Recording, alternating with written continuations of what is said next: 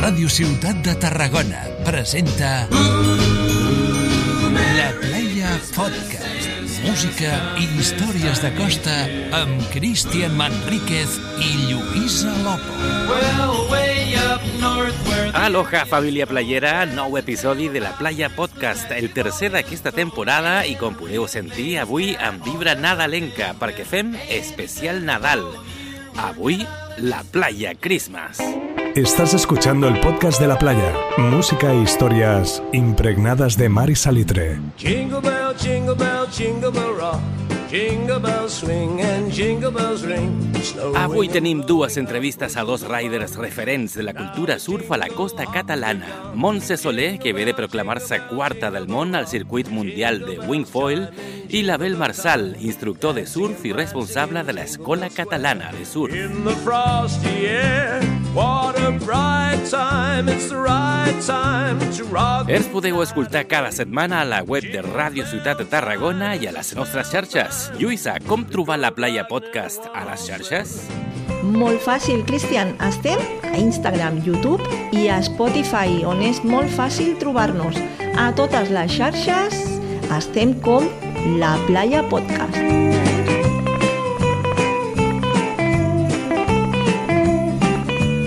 Avui a la Playa Podcast entrevistem a una waterwoman local enamorada del mar, el vent i les onades, higienista dental de professió, de família de farmacèutics i d'un esprit aventurer encomiable que l'ha portat al top mundial del món del wingfoil. That's the jingle bell rock.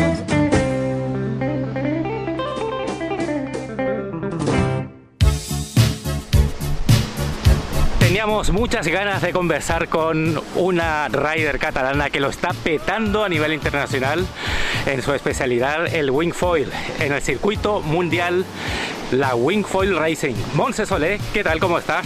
Muy buenas tardes, muy bien, muy contenta de, de estar aquí con vosotros otra vez. Eh, justamente un mes como este fue la, la última entrevista que, que te hicimos en el ya desaparecido Wet Dreams, lamentablemente. Acababas de llegar de Jericho a Coara, como ahora. ¿Qué ha cambiado entre esa Monse del año pasado y la Monse de este día fabuloso de sábado en Castle de Fels? Madre mía, parece que hayan sido cinco años y solo ha sido uno. Eh, la verdad es que el año pasado cuando volví para mí fue como una primera experiencia de una competición internacional, de, un mundial y volví encantada por, por, el ambiente, por la gente, por el lugar. Pero no fui mucho con las expectativas de la competición en sí, sino pues para probar a ver un poco mi nivel con, con el resto de riders internacional. Y como fue bastante bien y la experiencia fue tan positiva, pues al final este año decidí hacer todo el circuito del 2023, que han sido seis paradas eh, por todo el mundo, con sitios como Abu Dhabi, Brasil, Suiza, Cerdeña, bueno, un montón de sitios. Y la verdad es que cada parada ha sido eh, una nueva experiencia, un aprendizaje y un superarme a mí misma. Y creo que la Monse del año pasado eh, estaría muy orgullosa de la Monse de hoy. Sí, sí. ¿Qué cambió? ¿En qué te superaste? ¿Lograste vencer, no sé, desafíos que te hayas propuesto? Sí, yo, bueno, en primer lugar, mi, mi- nunca he tenido como mucha motivación por, por competir, porque yo al final, yo compito cada día conmigo misma, porque siempre quiero ser mejor, eh, pero es una competición muy sana conmigo. Pero sí que es verdad que bueno, el, año, el año pasado, a, raíz del fallecimiento de mi padre, que él fue quien, quien me enseñó todo lo que sé del agua. Le hice como la promesa que, bueno, que viajaría más y que intentaría, pues eso, eh, probar la competición. Entonces fue cuando fui a Brasil el año pasado y allí fue como cuando ya le hice la gran promesa, que bueno, ya no estaba, pero para mí sí estaba conmigo, que haría todo el circuito, todo el circuito de este año. Entonces el circuito del 2023 fue en honor a tu padre. Sí, sí, sí, Sí. totalmente. ¿Sentías alguna energía de parte de él cuando competías? Sí, la verdad es que en todas las paradas menos las dos últimas he ido sola, que para mí eso también ha sido un reto porque al final los otros riders o van acompañados o van con la federación o van con el equipo y para mí siempre ha sido un, un challenge más el ir sola, pero la verdad es que nunca me he sentido sola. Al final, yo siempre que estoy en el agua eh, siento como que tengo una energía o un ángel que me protege y, y no, nunca, nunca me he sentido sola. Es, debe ser difícil ir sola ¿eh? Eh, a competir. El caso de los otros riders, eh, ¿pasa lo mismo o van con un equipo? Eh, no, la gran mayoría de riders eh, tienen, tienen apoyos de, bueno, igual con las marcas van por equipo o incluso la federación ya, ya les empieza a apoyar y van, van todos con equipo, con entrenador, con lancha, con un soporte dentro del agua para, para poderles ayudar durante la competición. Que claro, al final es- eso hace mucho porque ya no es solo el estar acompañado física y moralmente, sino también ya luego de, de- ayudas a la hora de, competir, de tácticas, de que alguien desde fuera igual ve tus errores, que cuando tú estás solo, gestionarlo todo es muy difícil. En el caso del Wing Foil Racing eh, está bastante claro que es una, disci- una disciplina que puede ser olímpica de aquí poco, entonces ya los, las federaciones de, de los otros países ya se están poniendo las pilas. Y en el caso tuyo, Monse, De momento no, de momento no. Yo he tenido mucha suerte porque he tenido muchas marcas eh, privadas, no ha sido nada público ni de, ni de ninguna federación, pero sí que he tenido pues, el soporte de- del Club Náutico Vilassar, de Wing Paradise, de, de Ensis con los Wings de- y de Levitat con los foils y de Finisher que es la marca de suplementos de Care Pharma, que entre todos ellos me han, me han ayudado a hacer posible el poder viajar a todos estos sitios y, y hacerlo, y hacerlo posible. ¿cómo es estar ahí, Monse? ¿Cómo fue la primera vez, por ejemplo, todo tiene que ser en inglés, ¿no? ¿Ibas con buen nivel de inglés? Sí, sí, bueno, yo creía que tenía un buen nivel de inglés en el cole, bueno, lo típico, ¿no? Todos habíamos estudiado, yo aparte había ido pues a- al cursillo después y se supone que tenía el first y... Pero bueno, es lo típico que luego si no lo sigues usando mucho está un poco estancado, así que he hecho, he hecho un advance este año porque o te comunicas en inglés o no hay nadie, o sea, son todos riders internacionales, yo menos en alguna parada he sido casi la única española, así que eh, sí, o hablar inglés o morir. Hablábamos hace poco con eh, unos riders del Club Sub Barcelona, con Marc Furasté, entre ellos, y nos hablaban de la importancia de la estrategia en las competiciones de alto nivel. ¿Cómo lo manejas tú eso? Por ejemplo, ¿llevas controladas a las que tienes que ganar? ¿Quiénes son, por ejemplo? Ah, esta pregunta es bastante interesante porque en el, en el Racing em, las bases vienen mucho de la vela, eh, de, lo que es de las típicas regatas con barco o del windsurf o del optimis o de los lasers. Entonces todos aquellos riders que ya tengan una base de vela tienen muchísimo ganado, que yo en mi caso no la tenía. O sea, yo hice windsurf, pero de olas, de freeride, de, pero no, no competición de regata. Entonces para mí todo eso fue nuevo. O sea, yo recuerdo la primera regata que me enseñaron cómo era, digamos, la- por dónde tenía que ir y yo les, les pedí que me hicieran un dibujo. O sea, yo han habido veces que he tenido que dejar pasar a la que, o sea, iba a ir, ir delante y tener que dejar pasar a la que tenía detrás porque no sabía hacia dónde tenía que ir y tampoco tenía un entrenador ni nadie de mi federación ni de mi equipo que me pudiera ayudar. Entonces, primero tenía como que dejar pasar para ver para dónde ir y luego igual ya lucharlo de otra manera. De todas las paradas eh, que has hecho en el, en el circuito este año, ¿con cuál te quedas? Vale, eh, sin duda, sin duda, sin duda me quedo con esta última, con la de Jerry, porque mm, ha sido como el culminar eh, este reto. He conseguido quedar cuarta del ranking mundial, que tampoco lo esperaba, porque bueno, pues son muchas las complicaciones que, surgen al, al ir solo y bueno, y hacer el circuito solo. Y luego también porque también he tenido como la, la gran compañía de, de Claudia, de mi pareja, que, que, bueno, ha sido el apoyo, un apoyo incondicional que no solo me lo ha hecho fácil fuera del agua, sino que incluso dentro también, o sea, sentía que estaba allí también me ha dado mucho, mucho apoyo y ha sido un viaje muy diferente gracias a ella. Y ya no solo en el rendimiento de, de hacerlo mejor en el agua, sino que como estaba como más feliz, me sentía más, mejor acompañada, eh, ya salí al agua con otra mentalidad y, y otro mindset y, y lo disfruté tanto que lo hice mejor que nunca. si t'haguessis de quedar amb algun moment de, de tot aquest any, de tot aquest circuit que has pogut eh, gaudir en la competició durant aquest any, en quin moment et quedaria? És molt difícil quedar-me només amb un.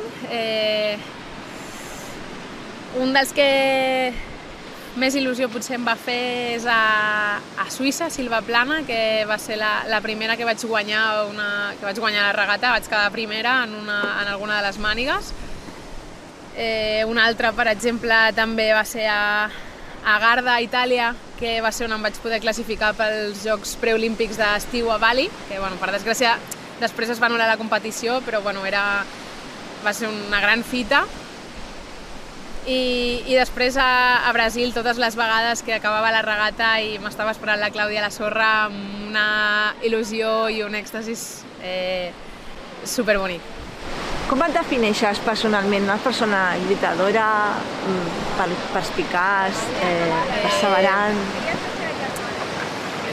Crec que tinc una barreja de tot, eh, però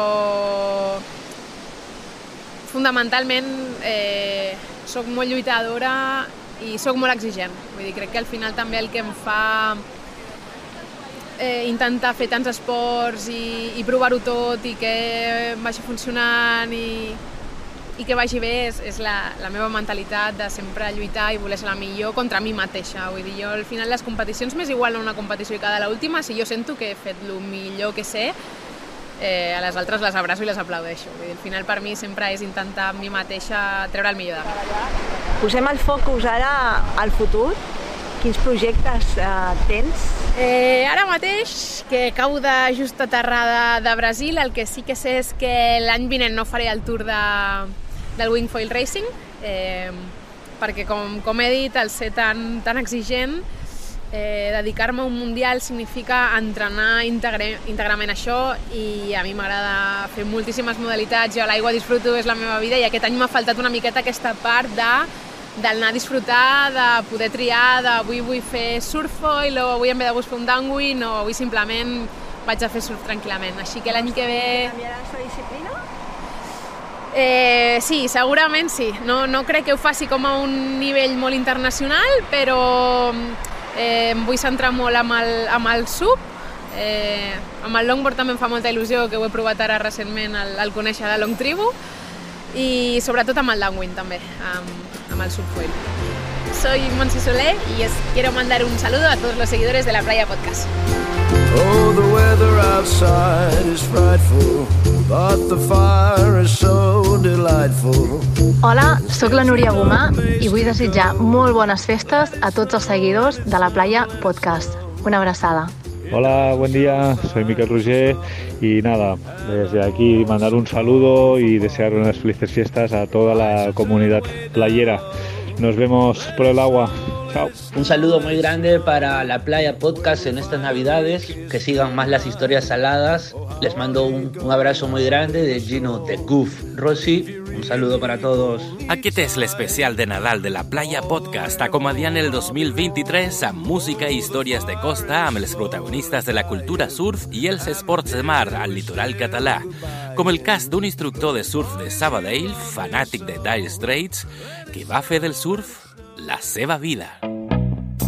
Soc l'Abel Marçal i sóc el responsable fundador de l'Escola Catalana de Surf.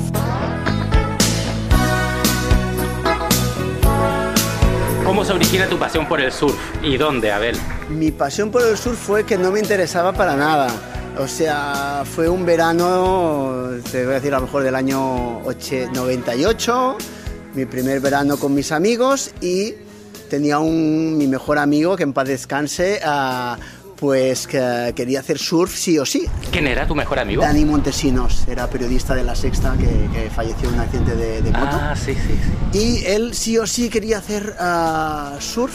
Y yo ahora como en plan, bueno, yo mi deporte es el salto de pértiga y el salto de altura y esto, pues bueno, pues vamos y a ver qué pasa.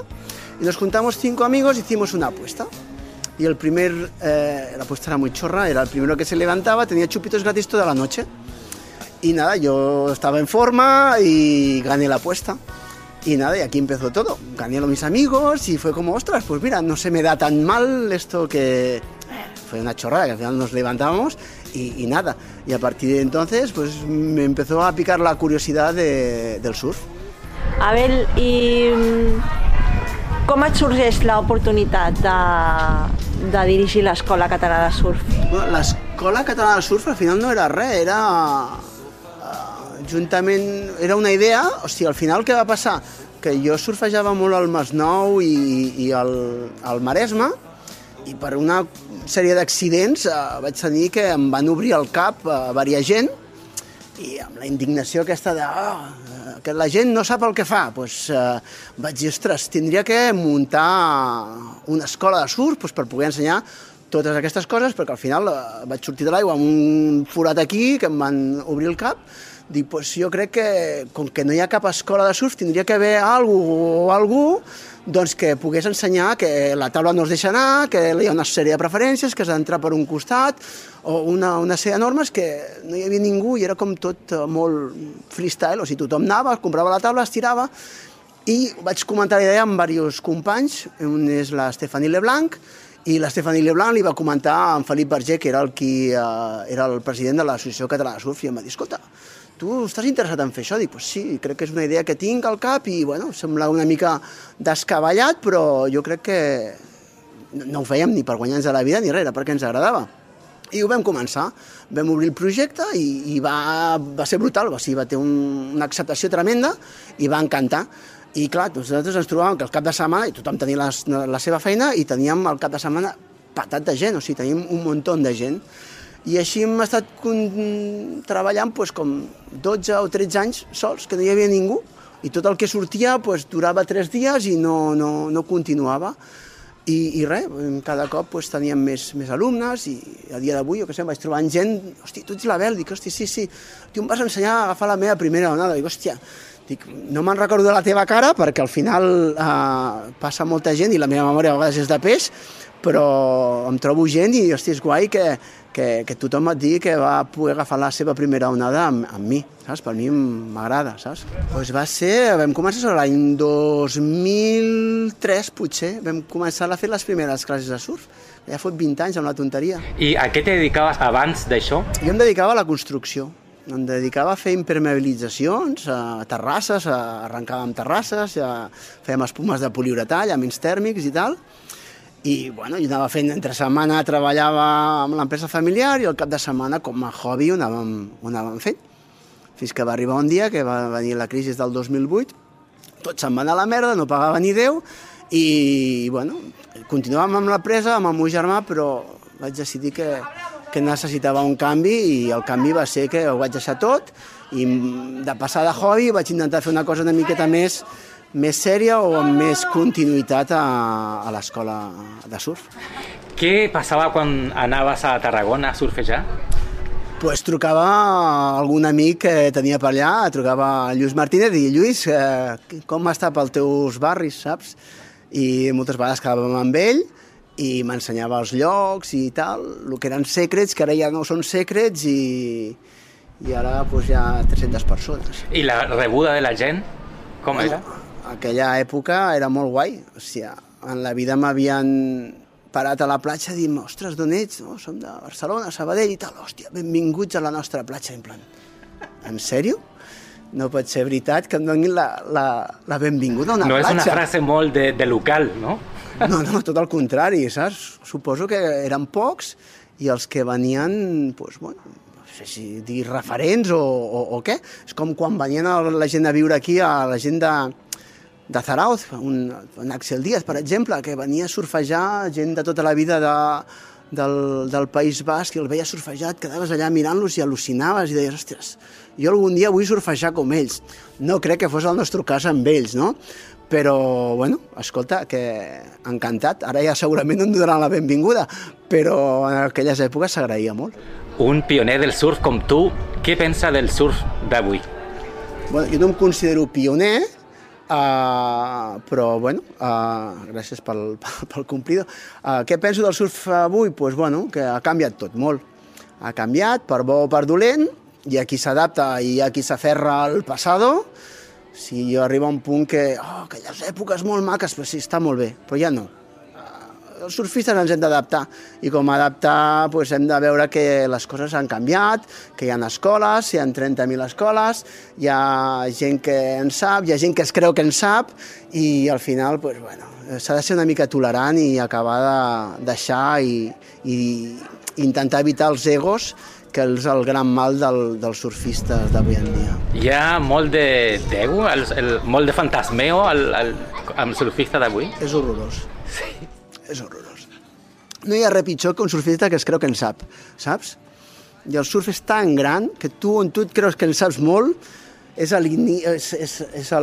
l'ABC de, de molts altres, saps? I aquí al final entres a l'aigua i, i es creuen que, que per fer mig giro són els Kelly Slaters de, de Catalunya. Creus que això va una miqueta en la línia que explicaves, no? que manca una miqueta d'educació, no? Educació, Al... humilitat... Surfera, i, per dir-ho I al final, ego. El problema és l'ego. L'ego. I deixar, compartir. Escolta, ja sé que vinc de la feina, tinc que agafar totes les màximes onades, però al final deixar-li dir, eh, tira, passa. Agafes un amic a més de, de, de 32 rivals, no? I falta una miqueta de, de relax, en general. Jo moltes vegades ho comparo com el qui condueix i embulleix, es torna boig, doncs és una miqueta igual. És com venen les onades, només veuen que tenen que agafar 10 onades en dues hores, peti qui peti, mori qui mori, i si és d'obrir algun cap, pues, li és ben igual, saps? O sigui, una mica de, més de calma per tots i tot anirà molt, molt millor. Mm, és curiós perquè abans, eh, diguéssim, que la gent pogués aconseguir un mínim de nivell, la gent ja es feia gran, saps? Ja havien passat molts anys i ningú, arriben a la platja, no, ningú sabia què fer, ni com circular, ni com anar. Ara la gent jove està arribant a nivells molt alts que els altres hem tingut que tardar doncs, 10 o 15 anys, saps? O sigui, tot va molt més ràpid. El surf ha evolucionat, les tècniques, eh, el, els professionals del surf també, o sigui, ara tens nivells 2 que eh, van formats, o sigui, abans era tot una miqueta, creo que los brazos los tienes que llevar así, tienes que mirar allí, però ho feies una miqueta mm, ensayo-error de, dels teus fallos, no? Ara hi ha formacions bastant molt bo, estan bé, i, i bueno, mm, la gent i, i la, el surf està evolucionant de manera molt, molt positiva. Què et dona el mar? Què em dona el mar? És molt relatiu, això. No et diré coses místiques perquè no, no, no m'agraden. Uh, depèn si estic treballant o estic jo relaxat, perquè clar, és molt diferent venir i treballar, que la penya es pensa que jo em passo tot el dia surfejant, i l'altre és quan jo tinc el meu temps lliure per dedicar. Jo, per mi és desconnexió si vaig com a Abel Marçal surfista lliure, saps? Uh, vaig, faig, em passa el temps volant i disfruto com una bèstia quan no faig classes també. També disfruto fent classes, eh? Però quan fas tantes classes, de tant en quant és que dir, eh, avui em toca surfejar a mi i dedicar un temps per mi, perquè al final la passió portada a l'extrem és, és, uh, és, és feina, m'explico. pues, a veure, amb, amb, amb la, les onades, realment, les onades que més feeling he tingut, per, surrealista que sigui, a part, em puc dir, oh, he anat a Mentaguais i onades perfectes i tal, però on he disfrutat com una bèstia és a Montgat Nord, a la caleta de Montgat, quan hi havia el banquet de sorra, i feia tubos dia sí, dia també, saps? I al final mmm, pots viatjar molt, anar-te molt lluny, però a vegades, com a casa, no hi ha res. Que, que sí, que pots anar d'això, he tingut una de les grans, gegants, enormes tuos i tal, però jo tinc l'època d'entre 2003 a 2007, jo he disfrutat com una bèstia a Montgat, fent tubos. M'ho he passat molt bé. Mentaguais per mi sempre ha sigut un destí espectacular. I, per exemple, a Bali vaig tenir una, una aventureta, bueno, una batalleta, que eh, anava un amic meu i jo, el David Lafarga i jo, i ens vam anar a Bali, eh, vam agafar una barqueta d'aquestes i ens va deixar com a quilòmetre i mig de la costa i ens deixa un lloc que es diu Middles, a Cotarrif al costat, i estàvem sols i comencem a agafar onades i estem xerrant i mirem a baix i dius, hòstia, què és això, saps? I veiem una mota negra que passa per sota els nostres, i agafem, posem els peus així, i dius, què és això, saps? I, i res, al final ens mirem la costa Dius, tio, dic, quan sigui això un bitxo xungo, ho tenim clarinete, saps? O sigui, aquí palmem. I res, treu el cap, fa, fa, puf, tira com un xurrito, i dic, hòstia, dic, no sé què pebroig és això. Me'n torno cap a l'hotel dic, Felip, Felip, dic, tio, he vist un, un bitxo així de gros que tirava com d'això, li faig un dibuix, i em diu el Felip, això és un dugong. Dic, un què? Un dugong. Puta, és un dugong. Arribo a casa, enxufo la tele i el primer que em surt, un dugong. I em surt el dibuixet que li havia fet al Felip. Dic, Felip, ets com una puta enciclopèdia, saps? I, i res, la va encertar. I aquí, de, palmar-la va ser que menjava plàcton i no passava res, però ens vam espantar una mica. Saps? Hola, soy Luis de Tarragona. Quería mandaros un saludo y desearos felices fiestas a todos los integrantes de la Playa Podcast, a todos los oyentes y a todos los amantes del deporte y del mar, que como a mí, ni con este frío se nos van las ganas de darnos un buen baño. Un abrazo y nos vemos en el agua. Hola, ¿qué tal? ¿Cómo estáis? Soy Tony Ginar de, de Wet Dreams y bueno, solo quería deciros que feliz año, feliz Navidad y buenas horas para todos. Y sobre todo, siempre, siempre, siempre support your local surf shop. Abrazo, surfing. Aloha familia playera, aqui Elmo Ramos de It Body Boy Magazine.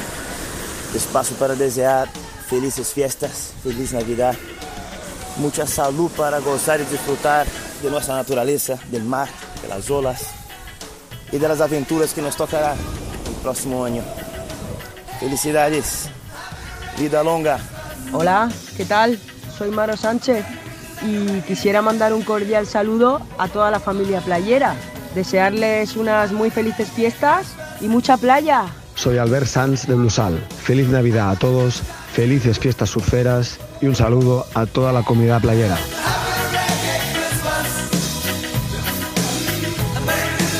I fins aquí la Playa Christmas, l'especial de Nadal de la Playa Podcast. Moltíssimes gràcies per escoltar-nos. Bon Nadal i bones onades.